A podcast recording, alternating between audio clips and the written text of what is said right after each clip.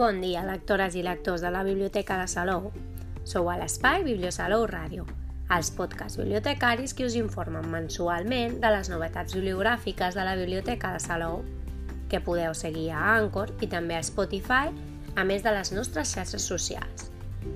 A l'octubre encetem una nova etapa en què l'emissió d'aquests podcasts es farà l'última setmana del mes amb la informació de les novetats que la biblioteca traurà al novembre.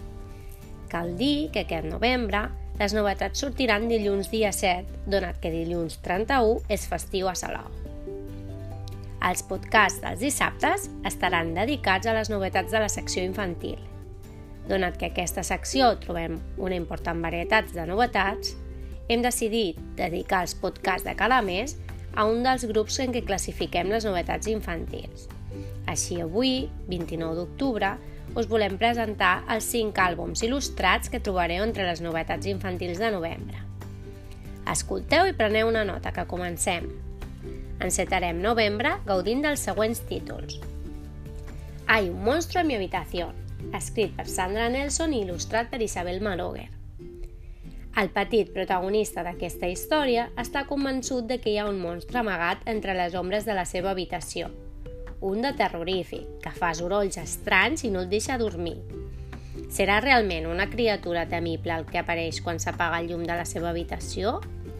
De ben segur que no, perquè aquest és un llibre sobre l'arribada d'un germanet petit.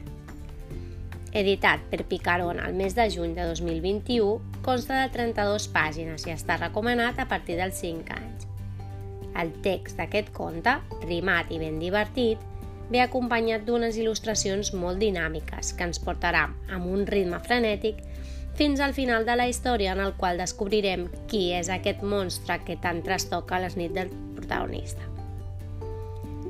A pas de cebre, del col·lectiu Peste Alta. El trànsit a la sabana és un desori. Els petits animals no saben per on creuar. Per sort, les zebres tenen una idea. Fer una barrera amb els seus cossos de ratlles per deixar-los passar. Aquesta proposta, de la mà del col·lectiu Peste Alta, el qual està format per 10 membres que desborden creativitat, és una història divertida, plena d'imaginació, que explica com una simple idea pot resoldre problemes. Les tres potes del relat són el positivisme, la inclusió i el respecte. Les genials protagonistes es, es mostren creatives davant cada repte, tenen en compte els personatges més menuts, els menys forts, els que tenen problemes per passar, i saluden a tothom, donen les gràcies i procuren millorar la convivència.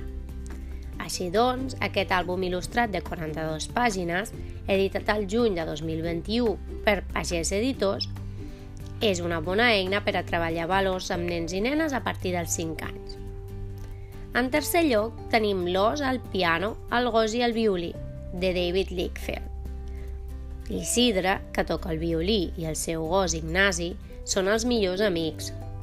L'Ignasi és un dels admiradors més fidels de l'Isidre i quan aquest decideix retirar-se, l'Ignasi aprèn a tocar el violí en secret. Poc temps després, un os famós que toca el piano el convida a unir-se a la seva banda d'animals i a viatjar pel món per actuar davant de grans multituds, una oportunitat que l'Isidre sempre havia somiat per ell mateix. Podrà l'Isidre superar la seva gelosia i aprendre a sentir-se feliç pel seu amic? En aquesta tendra continuació de l'os i el piano, dos amics comparteixen l'alegria per la música i descobreixen que fins i tot en temps tristos i difícils, la bona amistat resulta duradora. Aquesta obra de l'il·lustrador britànic David Lickfield editada per Blume l'agost del passat 2021, consta de 40 pàgines i ens arriba recomanada per nens i nenes d'entre 3 i 6 anys. En quart lloc tenim Una carta, escrit per Irene Verdú i il·lustrat per Verònica Aranda.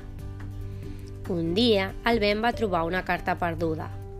La pluja havia esborrat les lletres del sobre i no es podia saber per a qui era ni qui l'havia escrita però la carta deia unes paraules precioses. T'estimo. Per això, el vent la va fer volar amunt amunt i la va empènyer fort, molt fort. La carta trobaria el seu destí i faria que algú se, se sentís estimat. però poc es podia imaginar el vent que la carta cauria damunt del cap del senyor gat, sempre malhumorat i tancat a casa. Sempre? Potser la força de les paraules podia canviar la seva vida. Aquest és un àlbum sobre la confiança cap a les persones que ens envolten, un cant a favor de l'estima entre la gent. És una història sobre una cadena de favors plena d'humor i sorpreses que ha rebut el tercer Premi Algar de contes infantils. Aquesta proposta de l'editorial Algar, editada al febrer d'aquest 2022, consta de 36 pàgines i ens la recomanen per a nens entre els 3 i els 7 anys. Finalment, tenim el número 5, Mira por la ventana, de Caterina Gorelik. A qui no li agrada mirar per les finestres? En aquest llibre, els nens i nenes podran treure el cap a les cases de molts personatges dels contes tradicionals. Però compte, que perquè cadascun és més intrigant que l'anterior. Ni els dracs són tan terribles, ni les àvies tan dolces com semblen. Aquest àlbum il·lustrat, el principal atractiu del qual és el joc d'imatges amagades que ens presenta, consta de 57 pàgines a tot color Edel Vives el va presentar el mes d'octubre del passat 2021 i ens el recomana per a nens i nenes entre els 3 i els 6 anys. I fins aquí el podcast d'avui, que ha fet un petit repàs de les novetats en àlbum il·lustrat que vosaltres, lectors i lectores de la Biblioteca de Salou, podreu trobar a la nostra secció infantil a partir del proper dilluns 7 de novembre. Us desitgem molt bon dia i molt bones lectures que us acompanyin en el dia a dia.